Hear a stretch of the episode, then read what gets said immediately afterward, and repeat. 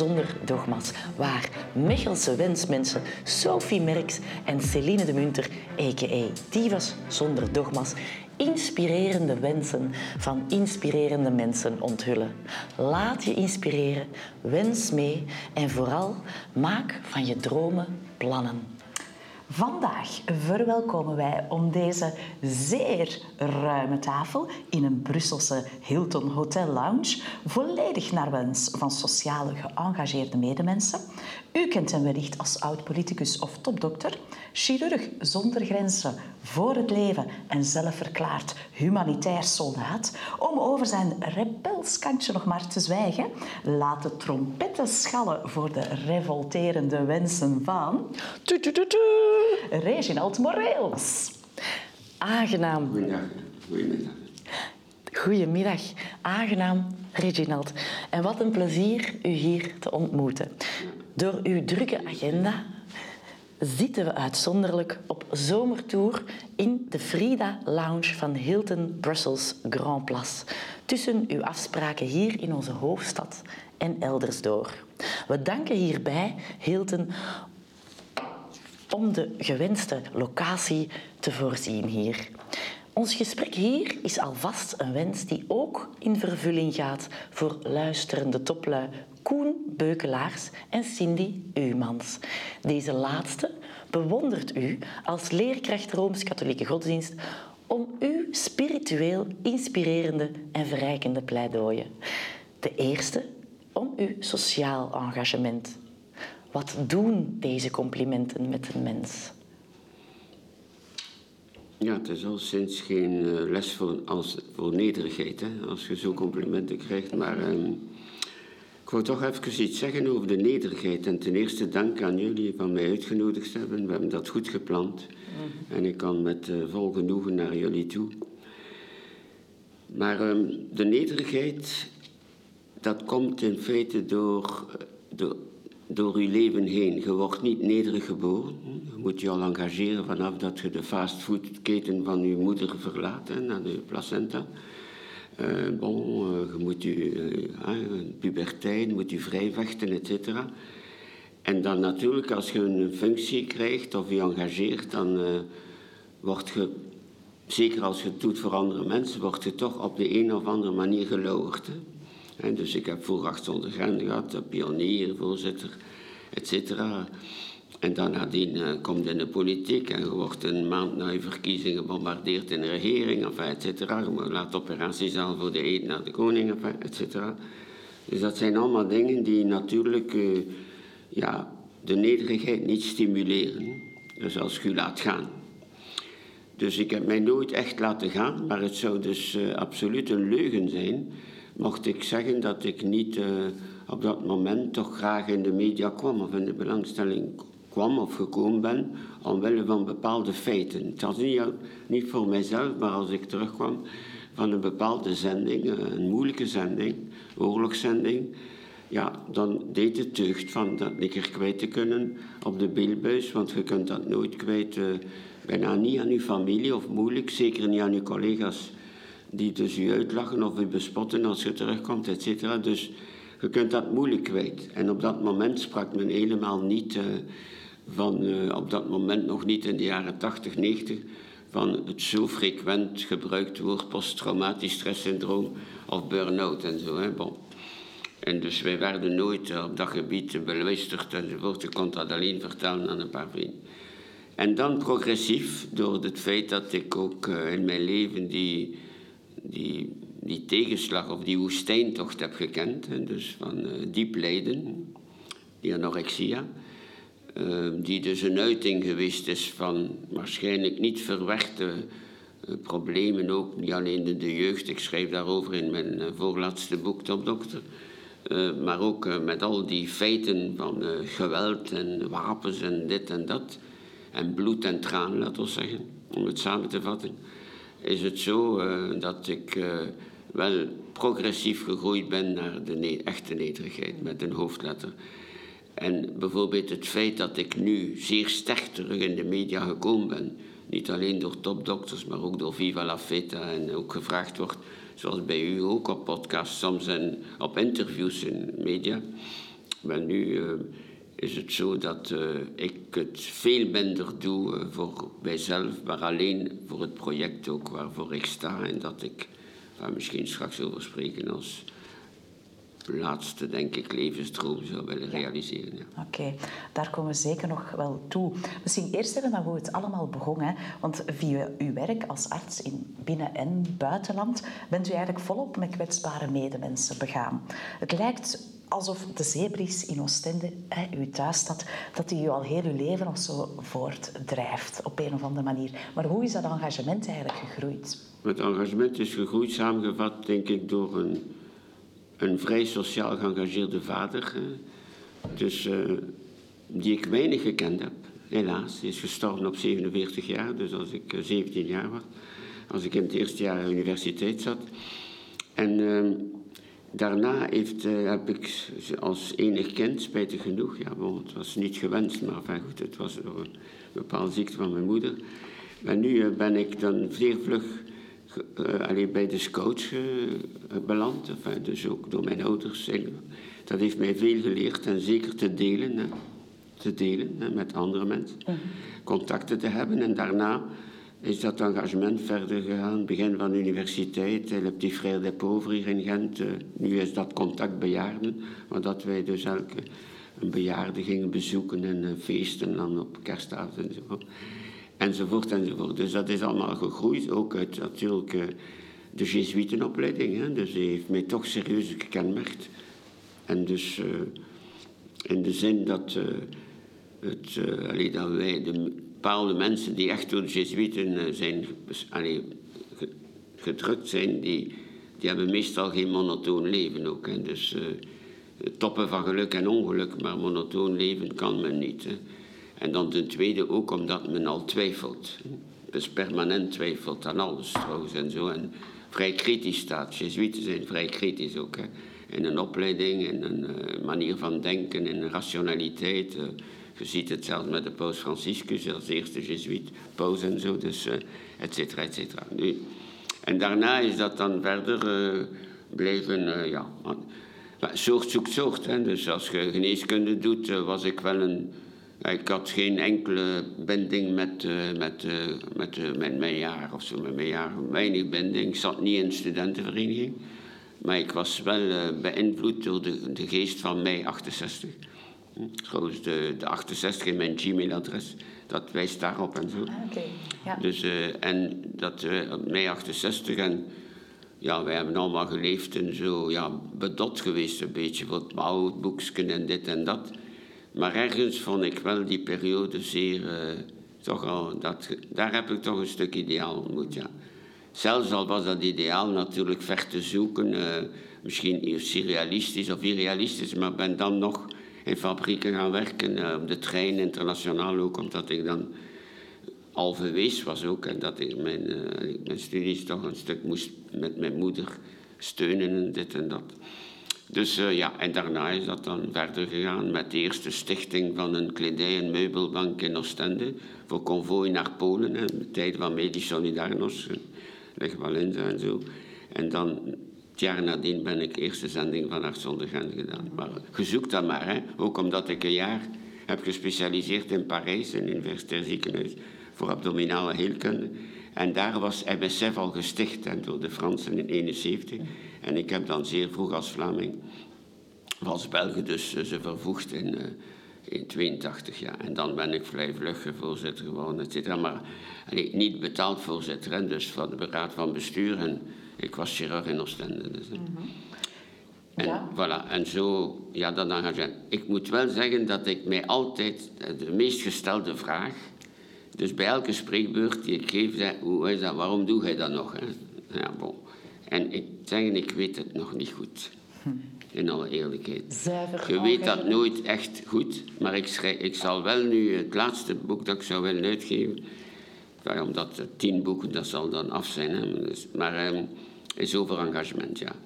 Omdat ik... Uh, ja, wat is dat dan engagement? Dan ziet je niet alleen het vrijwillig engagement. Een engagement heeft ook een positieve en negatieve kanten. Je hebt mensen die meer zichzelf plezier doen dan de anderen plezier doen, en zo, enzovoort, enzovoort.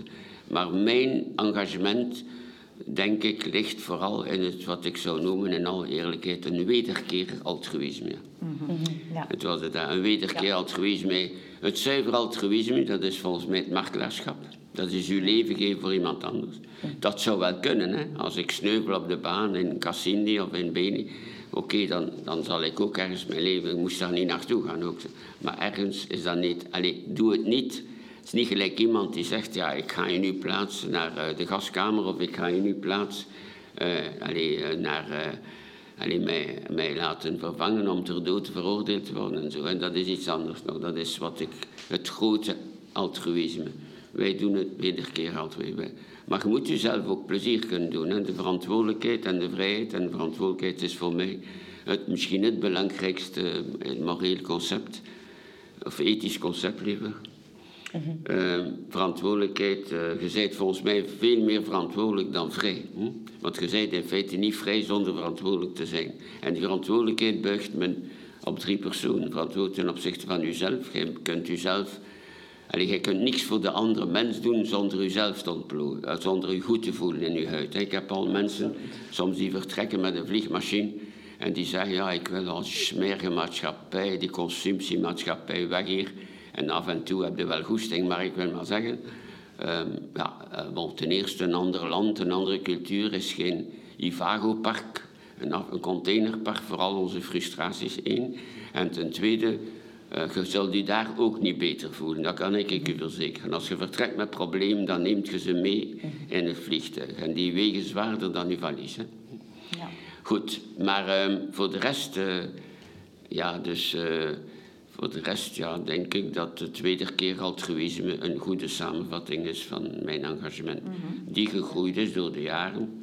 Goed, is dat een genetische aando- aan- aandoening niet, of is dat een genetisch, dat weet ik allemaal niet. Het is wel zo dat er waarschijnlijk bepaalde hormonen bij mij, of bij, bij mij of elke persoon die echt geëngageerd is, dat die meer van. En de laatste zaak is dat ik nu vergelijk, dat heb ik wel gevonden, recent.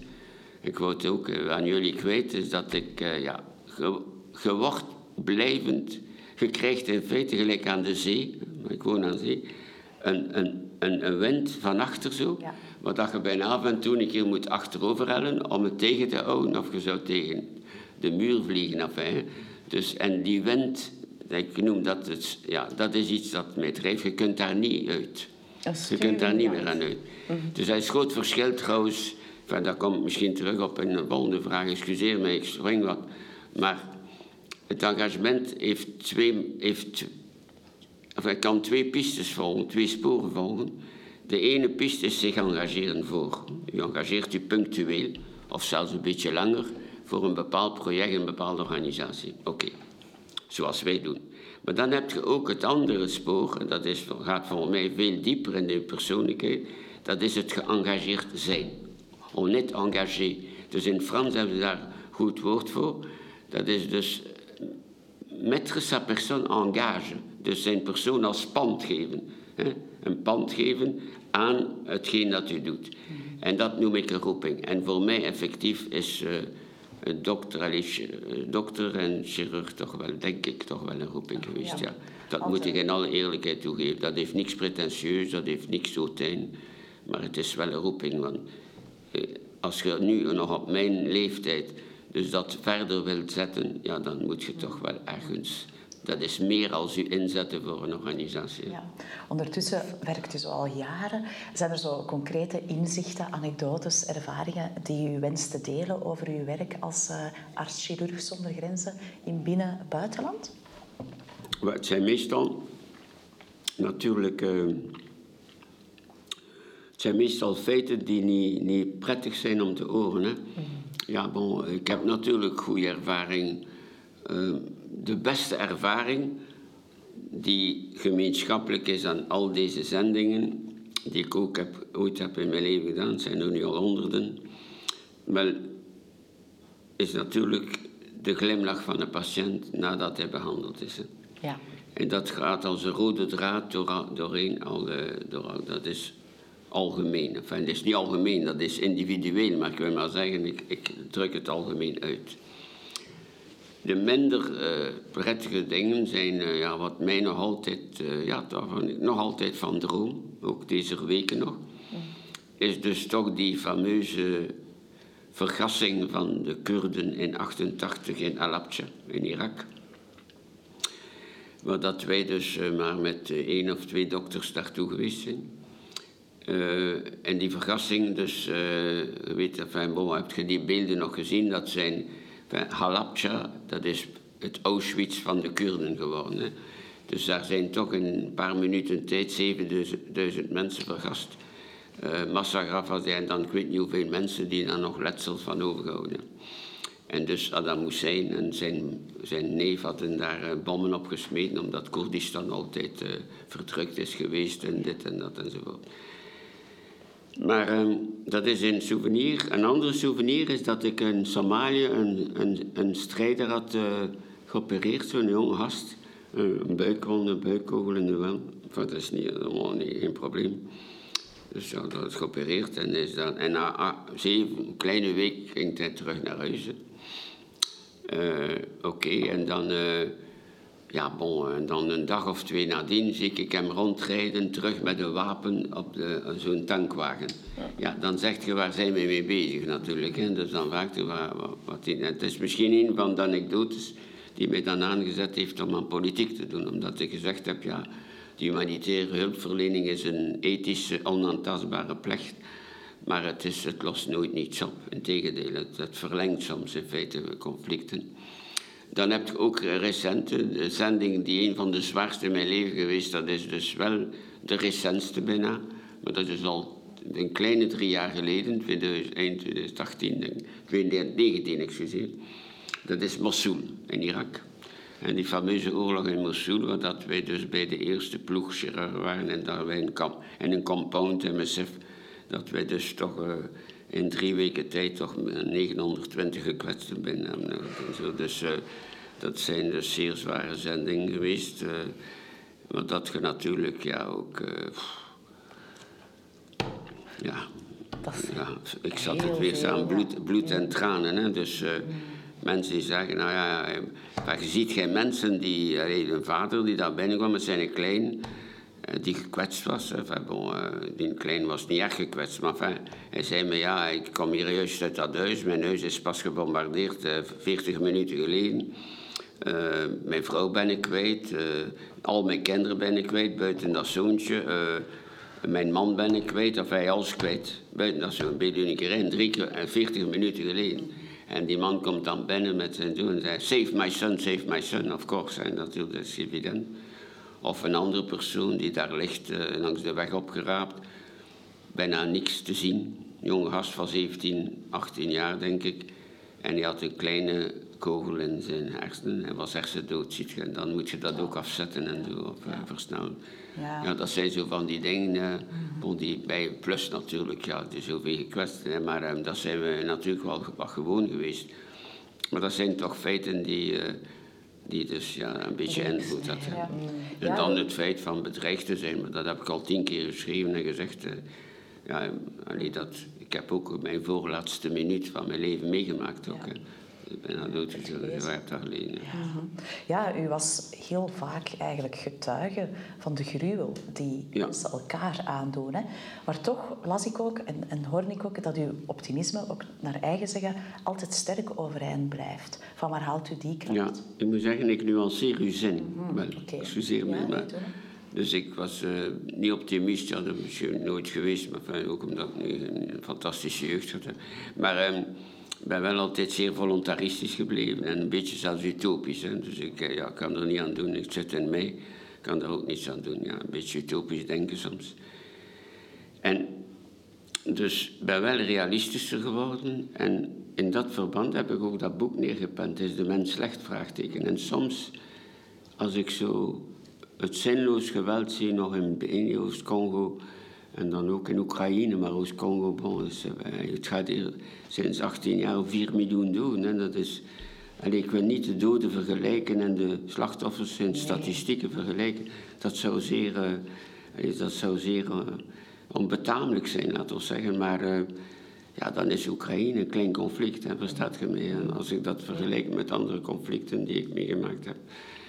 En ehm, oké, ja, dan zeg ik, ja, eh, hoe, kan, hoe kan de mens zo gruwelijk en vreed zijn als de andere mens? Ten tweede, het blijft toch ergens het, het grootste roofdier van onze planeet, niks aan te doen. Hè? En ehm, dat je natuurlijk veel, aan de andere kant veel goede mensen ziet, oké. En je weet het boek van Brechtman, veel, Alle mensen deugen. Ja, dat is natuurlijk meer verkocht omdat de mensen liever lezen dat ze zo goed zijn dan dat ze slecht zijn. Hè. En uh, bon, dat is evident. Maar ergens, uh, bon, ik denk niet dat alle mensen deugen. Ja. Nee. nee. dat kan ik, excuseer me, dat kan ik, ja, dat kan ik niet uh, door mijn, door mijn, allee, door mijn, dat kan ik niet. Uh, Daarvoor heeft u te veel gezien ook. Dus laat wel zeggen, ik ben, maar wat ik nooit ben geworden, en daar hebt u wel gelijk in, is dat ik nooit of te nimmer niet ben en niet zal worden, dat is cynisch. Ja. Mm -hmm. Nooit. Ja. Want als je cynisch begint te worden tegenover, oh, het is toch maar zo, en dan s'en en dit en dat, get rid of it en zo, kan me geen bal meer schelen, ik doe het maar en zo. Ja, dat is natuurlijk, dan moet je onmiddellijk dus ook die, allee, je altruïsme verlaten of dat opzij leggen, want dat is het ergste gevoel. Je moet blijven, voluntaristisch blijven, je moet uh, elk lijden dat je ziet en elke vreugde die je ziet, daar moet je dus gevoelig aan blijven. Zowel vreugde als lijden. Want als je veel lijden ziet, ziet je daarnaast ook veel solidariteit. We hebben nooit zo'n... Die ploegen die werken in zulke omstandigheden, we hebben een solidariteit tussen elkaar die, die bijna... Een empathie, een sympathie die bijna onbeschrijfelijk is ook. En dat maakt jij nooit mee in andere momenten, of uh, zelfs met de mm. mensen die je hier sympathiek vindt.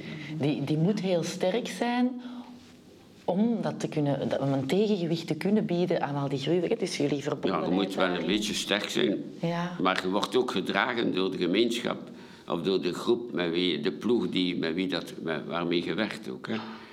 Dus en, uh, er is geen tijd voor, voor veel ruzie daar en zo. Zoals in vele van vrijwilligersorganisatie. Dat de mensen uh, beginnen ruzie te maken onder elkaar, et cetera. Maar uh, dit is, ja, er is geen plaats. Dus ik heb mooie momenten. Blijft, MSF Hartstochtrein blijft toch een levensschool, ja. Zeker en vast, ja. Zeker en vast. En ik heb het altijd niet alleen bekeken vanuit de naam van de organisatie, die natuurlijk nu een wereldorganisatie geworden is. Maar... Uh, het is ook vanuit het, uh, het filosofisch concept, als ik mag zeggen. Uh, het zonder grenzen denken en handelen is wel, vind ik, een zeer inclusieve en vooruitstrevende gedachte. En blijft effectief ook uh, mij bewegen om verder te doen. want de grens is niet alleen geografisch, ze is ook cultureel, ze is ook ethisch, ze is ook ook ethisch. Hè? Mhm, absoluut. Dus bijvoorbeeld, ja, ja, wat, wat ethiek betreft ben ik vrij progressief. Maar ik ben gelovig, maar ik ben vrij progressief. Enzovoort. En dus uh, hij voor mij kan niet begrijpen dat uh, de vrouwen geen priester kunnen worden, of bischop of paus zelfs. Wie weet komt dat ooit zelfs. Hè?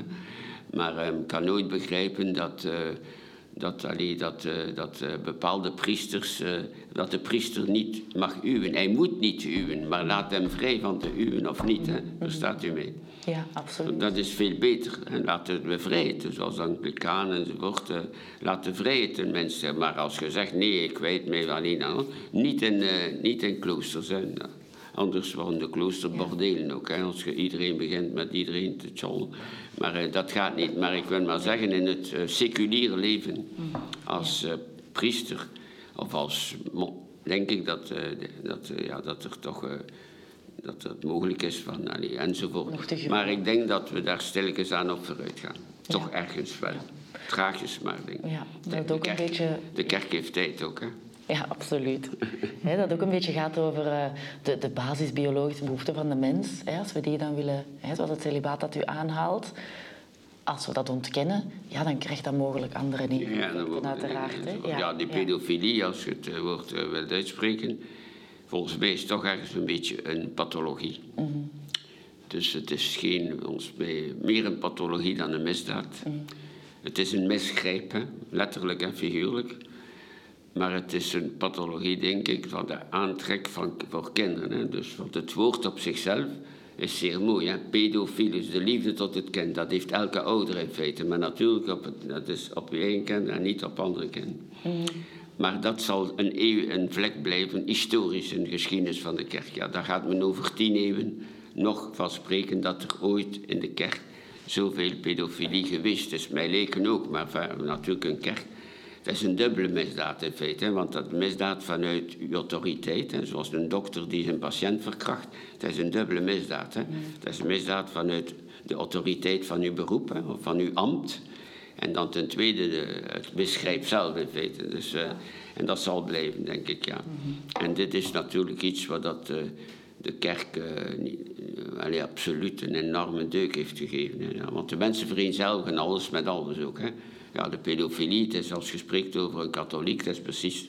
Het zijn priesters die bijna niet meer daar buiten durven komen. Dat ze zeggen in de winkel, bij de bakker, waarom ben je wel bekeken als een pedofiel of, hè, of een potentiële pedofiel. Dat is niet aanvaardbaar ook. Nee, Zo van die extreme dat, gedachten dat ja. je mag geen vrijzinnig zijn of geloven.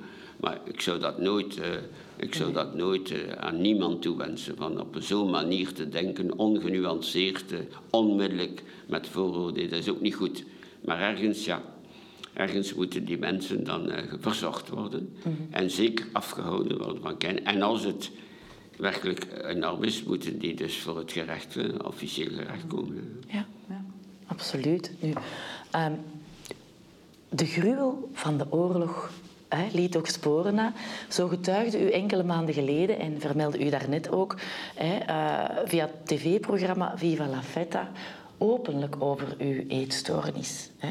Welk advies zou u mensen met een eetstoornis vanuit deze persoonlijke ervaring meegeven? De ervaringen, ik spreek daar minder graag over dan vroeger, maar als ik dan mensen kan helpen die ooit, eh, of anorexiepatiënten of ouders die naar deze podcast zouden luisteren, moet je wel weten dat anorexie een verschrikkelijk lijden is. Verschrikkelijk. Dus ik heb echt afgezien. Hè. Zeven jaar en een stuk. Hè. Goed. En, dus, en of dat je daar compleet van herstelt, weet ik niet. Hè. Je blijft toch ergens vegetarisch en opletten. Enfin, je kent dat. Oké. Okay. Maar, dus uh, wat ik... Twee, wat je wel moet weten, en ook als je dus uh, familielid hebt of iemand die je kent, moet je wel weten dat die persoon gewoon steun nodig heeft om er zelf uit te raken. Je kunt, daar, je kunt als je niet er zelf wilt uitgeraken, gaat er niet uitgeraken.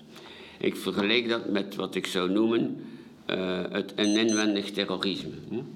Dus er ligt een terrorist op de loer, dus uzelf, maar, op, maar een andere zelf, een ander zelf.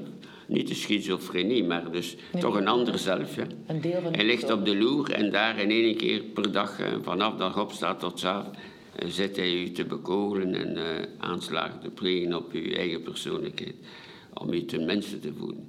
Dat, komt, dat is bij mij, voor mij is anorexie bij mannen, dus bijzonder zeldzaam, is dat ook waarschijnlijk een uiting geweest van het post-acuut stresssyndroom. Mm. Die op die manier, hè, er zijn veel van de leiders vroeger van Arts zonder Grenzen, waarvan er een tweetal toch gelukte zelfdoding hebben gedaan, uh, nadien enzovoort, al jaren nadien, hè, als ze zelf gezin hadden. Uh, andere zware depressie. Enfin, bij mij is dat een eetstoornis geworden. Goed.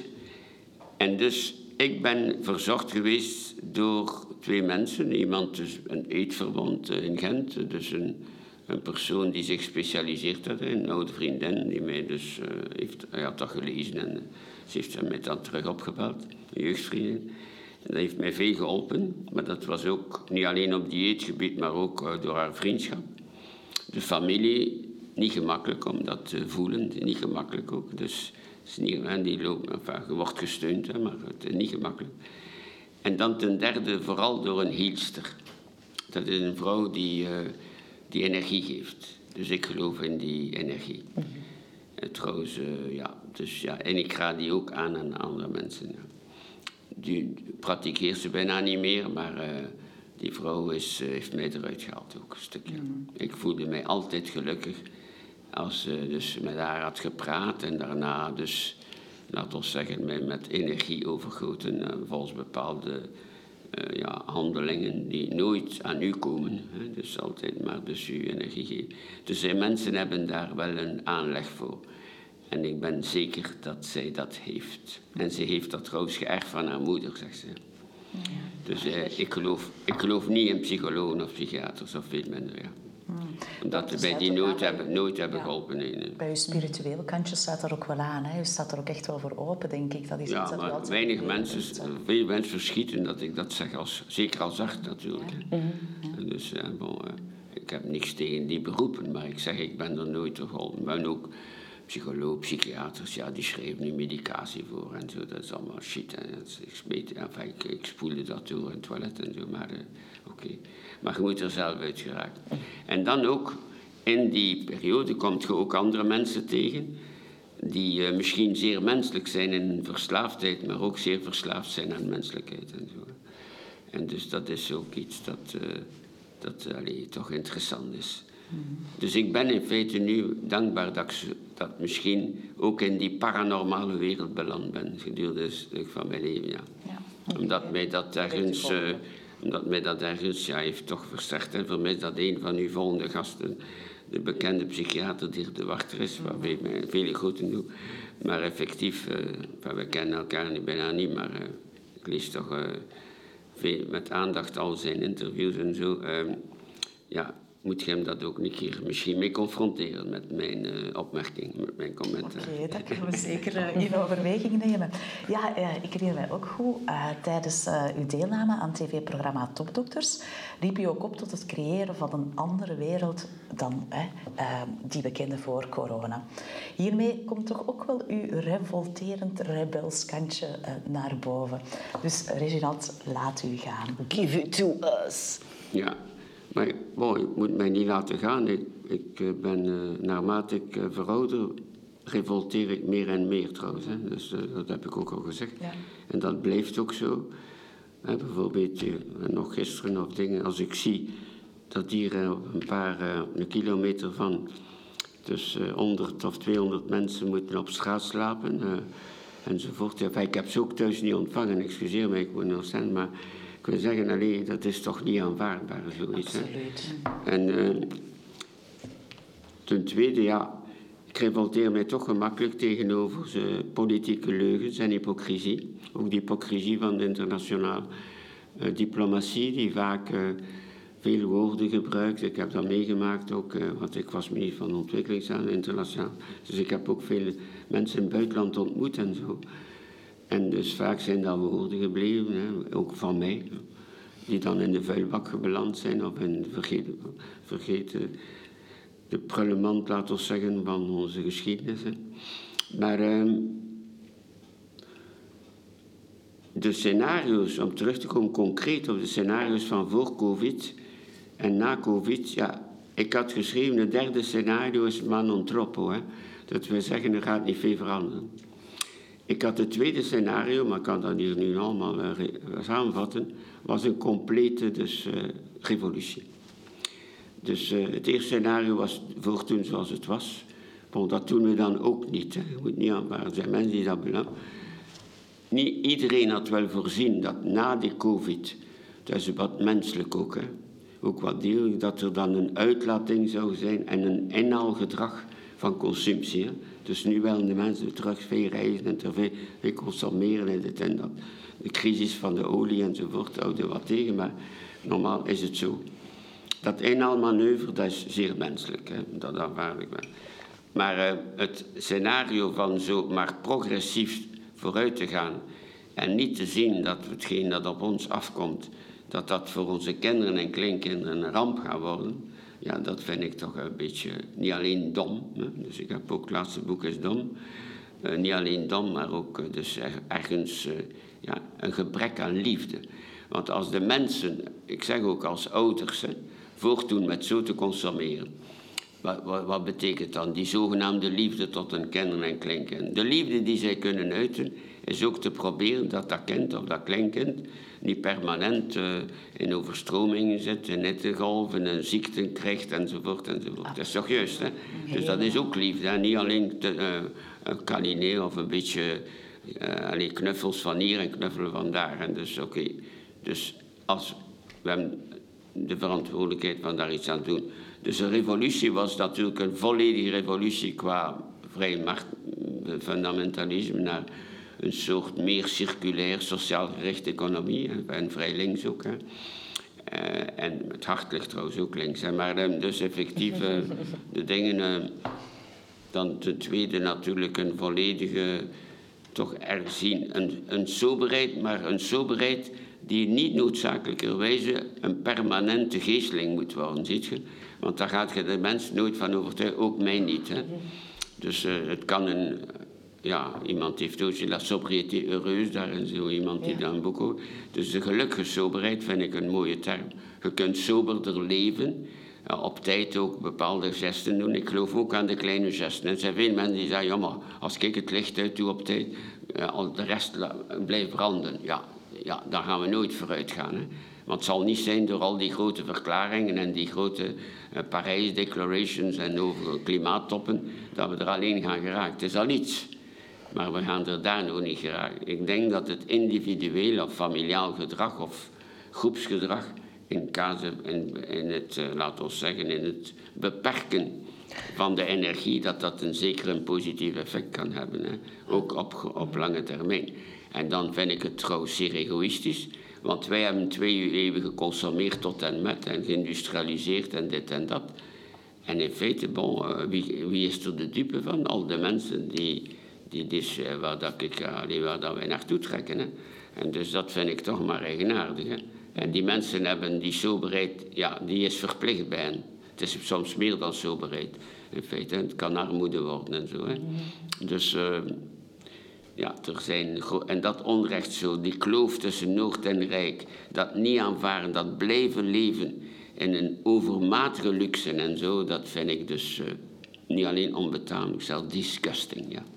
Disgusting. Enfin, moest ik al de dingen hebben tegen wat me revolteert, dan zijn we nog niet klaar een uur. Dus u pleit een stuk voor bewuster leven. Ja, bewuster is, ja, ja, bewuster of tenminste verstandiger leven. Maar verstandiger niet in de zin van alleen het rationele. Verstand bestaat voor mij heeft drie dimensies. Het rationele, het emotionele en het spirituele. Spiritueel in de brede zin, hè? dat heeft niks altijd met transcendentie of geloof te maken. Dat kan evengoed immanent zijn. Hè? En dus ehm, dat spirituele is in feite de zoek naar de zingeving van hetgeen u doet en denkt. En het denken en doen moet zin hebben, anders denk ik dat je... Enfin, je moet er mensen over de zin nadenken. En dan emotioneel kan, ja, kan je... natuurlijk dat de mensen die een overstroming meegemaakt hebben meer emotioneel gaan reageren en misschien zelf een keer inzien dat ze anders moeten beginnen leven. Dat wil niet zeggen dat je niet van iets mocht genieten, dat je geen reis mocht maken, dat je geen goede, alleen een goede, een goede ding. Maar bijvoorbeeld wat dat mij wel tegen verzet, en dat is wel een beetje harder zelfs dan gewoon het anders leven, dat is tegen het eten van vlees. Ja. Dat is wel iets dat ik eh, bekamp, ja. Omdat het slecht is voor de gezondheid. Je weet dat. Iedereen weet dat, maar niemand doet daar iets aan. Het wordt ontkend. Maar dat is goed Ja. natuurlijk. Je kunt zeggen, dat is goed voor de dokters ook. Hè. Hoe meer eh, colorectale kankers, hoe meer... Allee, je, kunt altijd draaien en zo. Hè. Want dat is cynisch, hè. dat is echt cynisme. Maar in feite vlees eten, rood vlees, ik spreek niet van kip. Hè. Maar rood vlees, kip is de enige uitzondering van proteïne, met vissen. Maar, maar rood vlees is niet goed. En ten tweede, ik heb dus wel, allez, ik, vind, ik heb wel een zeer groot respect voor dieren. Ja, ja dieren, ja. Ja. Meer en meer, ja. Dat groeit, ja. Daar kan ik u alleen Dus het bij- enige Ja. insect dat ik ooit zou platteren, dat is een mug, ja. Omdat muggen toch toch ambetant zijn. Hè. En trouwens veel ziekten ook daar. Maar voor de rest, als een vlinder draai ik gisteren nog een, door een insect draaide mijn handen en draag dat buiten dat het kan. Maar eh, groot respect voor dieren, ja. Doe net hetzelfde. En dus ik denk, eh, ja, gelijk alles wat gebeurt ook in de, in de tropen, enfin, in de landen, ik zie daar bij camions, die runderen daar vastgebonden zitten. Je moet maar naar een film kijken van Virunga, hm, van de Mero daar en zo. Eh, Ik ga die film, ik heb die film nog deze week gezien, Netflix 2014. Om te zien hoe dat bijvoorbeeld gorillas dus reageren. Ze Absoluut. zijn veel menselijker dan mensen, excuseer me. Dat is waar. Hè? Ze staan heel dicht bij de natuur nog altijd. Ja, ja, en de tweede, ja, ze zijn ook, en dan een hond ook. Enfin, dan zijn ze, al de vele dieren hebben zo'n gevoel. Hè. Goed. Alles wat ademt eigenlijk. Hè. Ja. Ja. toch wel, ja. Ik denk dat wel. Nou, Onze mede-wensmensen uit Gent krijgen wereldvrede als meest gewenste wens te horen. Spijtig genoeg in schril contrast met de realiteit. Ehm, ja, u uit al langer voorstellen om vrede wereldwijd te realiseren? Ja, ik ben niets, sorry. Ik ben niks meer, excuseer mij. Dus ik, eh, ik ben een burger alert en geëngageerd. Maar, eh, maar, maar het is wel juist dat... eh enfin, excuseer, ik heb je onderbroken, ja. Nee, nee, dat was de vraag. Het enige wat nog ging volgen was vertel. Als je van mij een ideaal spreekt, dan eh, blijft het wel vrede wel een ideaal. Ik zal u een concreet voorbeeld geven. Dus u weet dat ik een project, dat we een project hebben en dat ik een project wil waarmaken, het bouw van een verloskundig en chirurgisch centrum in Beni. hè. Ja. Bon. Dus nu opereer ik in het algemeen ziekenhuis, eh, sinds eh, vijf, zes jaar nu. Van regelmatig zending, ik ga er terug naartoe in oktober. Bon. Maar dus dit is de bouw van niet een ziekenhuis, een centrum dat niet alleen kwaliteitszorg moet geven in die twee vakken, maar ook dus eh, eh, opleiding. Opleidingen. Ja. Bon. En dan gebonden misschien aan een commerciële vleugel om dat project wat duurzamer te maken. Goed, dat is één zaak. Dat is in feite een caritatief project. En dat is eh, mensen helpen, een altruïstisch project kan dat zijn. Goed, maar daarnaast heb ik een zot idee gehad. Bijvoorbeeld zeer recent, eh, een maand of twee, drie geleden. Want we zeggen, kijk, vermis dat de paus naar Goma gaat. Niet alleen Kinshasa. Niemand gaat naar Goma. Dat is toch de provincie waar het conflict in feite het meest actief is. En Beni is het epicentrum. Enfin, het is daar niet gevaarlijk. Ik heb daar nooit geen echt gevaar gezien. Maar enfin, er zijn daar toch dagelijks massacres. Maar nu ehm, ga ik een brief schrijven aan de paus. Bon als individu. En zeggen, voilà, kijk, ik heb dat laten vertellen in het Italiaans en zo, om te vragen, wilt gij, eh, kunt u de Vaticaanse diplomatie, die een van de sterkste netwerken is ter wereld, hè, laat onze kattenkat noemen, dat is bevestigd ook, de Vaticaanse diplomatie, dus niet engageren, ook in dit conflict. Hè. Ze zijn engageerd geweest in Mozambique, zijn Cuba, Verenigde Staten, de Centraal-Afrikaanse Republiek, eh, bon, Oekraïne nu zijn ze sterk mee bezig, et cetera, et cetera. En die hebben wel invloed, hè. dus let op. Hè. Dus die hebben wel invloed, weliswaar langs meer de confessionele vleugel, maar ze hebben invloed. Bon. Goed, de paus gaat niet. Bon, dat. En dan ben ik dan toch ontvangen door eh, plotseling door een uitnodiging gekregen van Monseigneur Gallagher, de nummer twee van het Vaticaan, de minister van Buitenlandse Zaken. En eh, ik heb daar 45 minuten met een Belgische ambassadeur dus kunnen eh pleidooi houden voor conflict. En gezegd, ja kijk, eh, niemand houdt zich daarmee bezig. Sinds 18 jaar, 4 miljoen doden, al meer dan dat, et cetera. Dus wat gaat er daarmee gebeuren? Bon, internationaal zijn het alleen maar terrorisme, terrorisme, maar daar is er ook terrorisme, et cetera, et cetera. En dus daarmee ben ik bezig. Omdat ik ook denk, en dat gaat dieper dan dat, dat ik zelf, al ben ik bewust dat eh, natuurlijk dat initiatief van Maurice, dat dat niks, eh, wel misschien niks zal bijbrengen.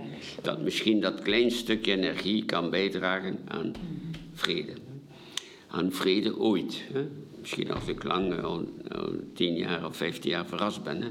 Maar eh, ik wil maar zeggen, eh, dat zou wel kunnen bijdragen. Want als, ik beschouw altijd een bepaalde een bepaalde, een bepaalde realisatie die een beetje utopisch lijkt in het begin, is, wordt dan soms realiteit, maar niet door één persoon. Dat wordt gerealiseerd door de energieën van vele personen, die ook aan hetzelfde denken, die elkaar dan toevallig wel al dan niet tegenkomen, en waarvan dan misschien in de geschiedenis één persoon of een groep personen dat belichaamt. Bijvoorbeeld Gandhi is niet eh, Mandela, dat zijn figuren, maar dat die hebben dat belichaamd. Maar in feite, energie komt veel dieper dan van die twee personen alleen. Hè. Wordt wijder Ja, wijder. Dus alleen, want als je het alleen het Caritas-project doet zonder ergens een vorm van vredesmilitantisme, dan vind ik dat toch een beetje karig. Nu, we zien wel wat daarvan komt. Bon, ik heb al een audiëntie bij de koning op eind september, bon, het parlement ook en, enzovoort. En ik heb dan ook gevraagd, mocht ik uit de vermiste pauze niet naartoe gaat, ooit een keer door de pauze ontvangen worden. Maar ik weet niet of dat, dat zal gaan. Misschien zullen we dat zien, wie weet. Maar dat zou, wel, dat zou mij wel... Allee, om te, ik weet dat Gallagher natuurlijk de belangrijkste persoon is, maar ergens om toch nog een keer de nadruk. Hij is er, en Top en Dessen zijn er nu naartoe hè, geweest, ja. de verleden weken. Hè. Mhm. Maar niet door mij natuurlijk, maar toch ergens wel. Hè. Dus ik denk dat, ik ben nu voor voorrecht getuige, is dat ik daar bijna de enige blanke ben met een team die regelmatig daar naartoe gaat en zo. Hè. Dus niemand gaat daar naartoe, of bijna niemand. Mijn zoon heeft daar wel een bedrijf, maar het is al.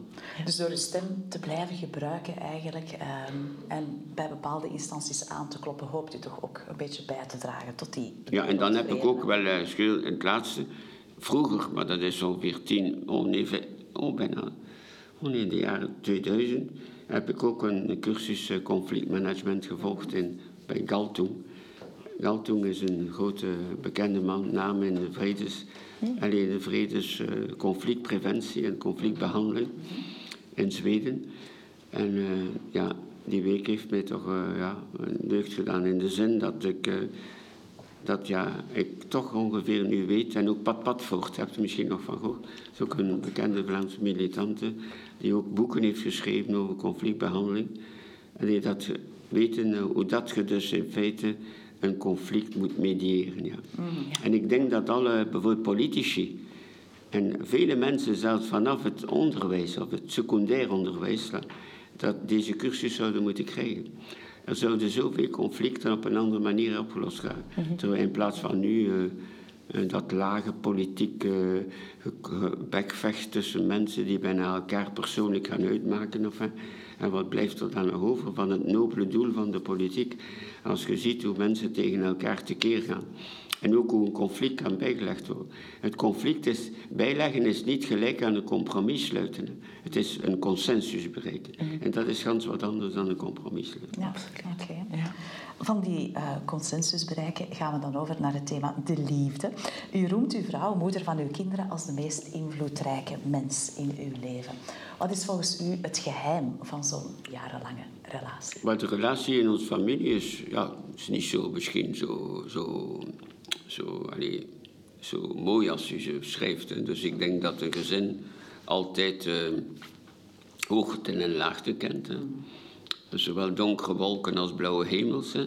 Dat is bij ons ook zo het geval geweest. Wij zijn geen fusioneel gezin. Hè. Er zijn mensen die fusioneel zijn, hè? dus die bijna aan elkaar hangen. En het, het verlangen van de een is bijna... Maar fijn, zoals ik ooit aan uh, Jani Kazalski uh, vertelde, als hij vroeg wat is voor u liefde, is liefde is in feite uh, blij zijn dat de andere er is.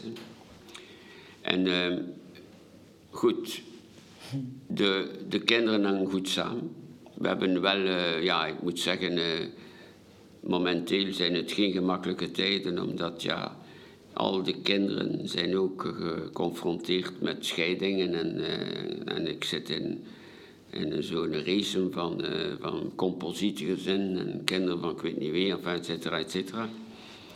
Dus uh, ja, persoonlijk weet ik niet of dat, dat een groot succes is, die opvoeding die, ik, die wij gegeven hebben. Ik denk wel dat we toch een paar ethische waarden hebben meegegeven. Dus een soort eerlijkheid toch, een transparantie. Hè? Dus als ik zie dat bijvoorbeeld een van mijn kinderen oneerlijk zou zijn, dan, hij mag dan 50 jaar zijn en ik 80, ik zal hem nog uh, uitmaken voor rottevis. Of excuseer me dat ik zeg, maar nee, of toch serieus uh, mee gaan praten. Hè? Grenzen worden Dus de eerlijkheid en dan ook uh, vorm toch van verantwoordelijkheid. Maar geen enkele van de kinderen heeft uh, dus hetzelfde parcours uh, als, als de vader. Mijn vrouw was ook geëngageerd als sociale verpleegster in beschut wonen en dus, dingen. Maar ze heeft ook moeten bezighouden met die 4KD.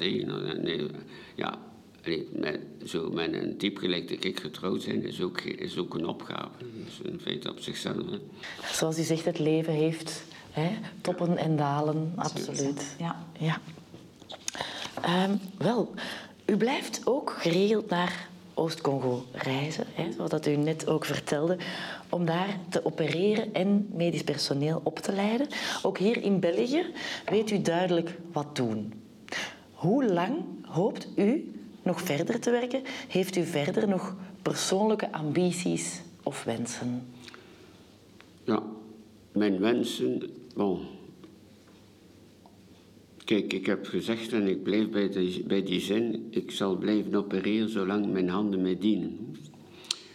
En momenteel gaat het zeer goed. En oké, eh, en daarna is het gedaan. Dus eh, de dag dat ik voel dat ik een ingreep minder goed heb gedaan, of dat ik mij wat onzeker heb gevoeld, of dat een complicatie heb gehad, die ik dan natuurlijk recupereer en zo, ja, dan stop ik s'avonds. En dan zondags zeg ik, uh, leg de schort terug. Geen over. Omdat dat ethisch niet verantwoord is van verder dan te doen. Maar ik, momenteel ben ik daar niet in dat stadium. Dus ik kan daarop niet concreet nog antwoorden tot wanneer. Het is wel zo dat de zendingen mij meer energie vragen dan vroeger. Uh, zelfs al ben ik veel beter gelogeerd dan ten tijde van Nacht zonder grenzen of allee, verstaat je Ja. En dus s'avonds hebben wij een goede kamer en, uh, en alles wat we willen. Maar uh, wat er ook van zei, de omstandigheden zijn moeilijk. Hè? Zeer moeilijk. En die, in die, dan, ten tweede, ik ben niet gesteund door een organisatie. Dus we zijn een klein VZ2.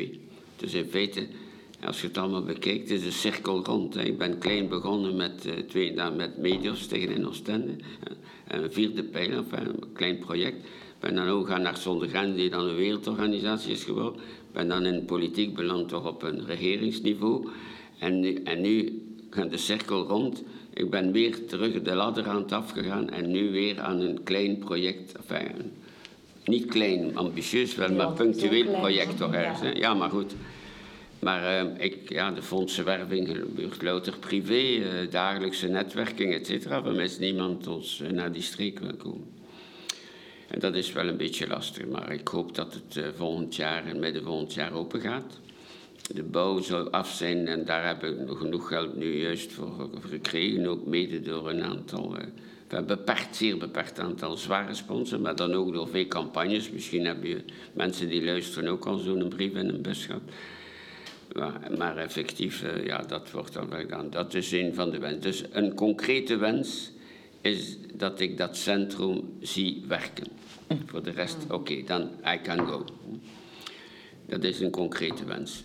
De, andere wens is dat natuurlijk, de tweede niveau van wens zou ik zeggen, is natuurlijk dat er ooit vrede komt in die streek. Vrede natuurlijk de hele wereld, maar kom, dat, uh, we zijn er nog niet. Hè.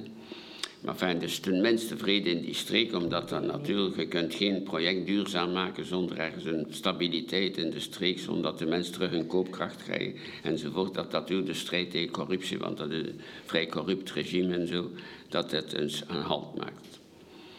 Goed, dat is het tweede niveau. En het derde, ja, derde niveau, als je wilt, eh, van uh, wensen. Ja, bon, dat is natuurlijk voor de familie dat er geen enkel van kind of uh, zelfs partner en kind of kleinkind ziek, zwaar ziek zou worden. We hebben één kleinkind dat zwaar ziek is geweest, een, een acute leukemie. Op vijf jaar, twee jaar en al behandeling, nu genezen. Maar fijn, goed, bon, dat is dus een wens die bij mij natuurlijk eh, enorm belangrijk is. Want het is niet aan hen van te gaan, hè. het is aan ons van eerst te gaan. Hè. En uh, dan de vierde niveau, het algemeen wens, dat zal je misschien ver, uh, een beetje verwonderen, is dat er een andere type mens ontstaat. Ja.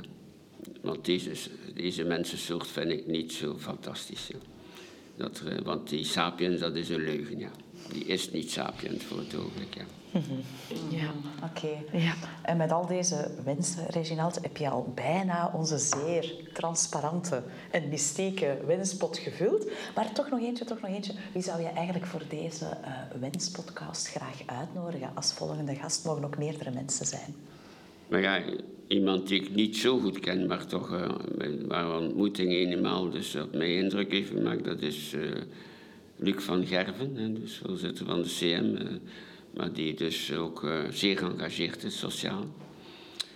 Uh, priester Daniel Aliet, van Hongerstakel bijvoorbeeld, Friet of Friet Kallewaard.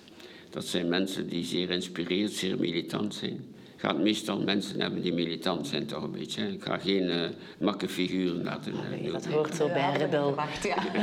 Maar, eh, en eh, ja, bon, eh, en misschien, ja, eh, ik weet niet, iemand is van de diaspora toch, hè.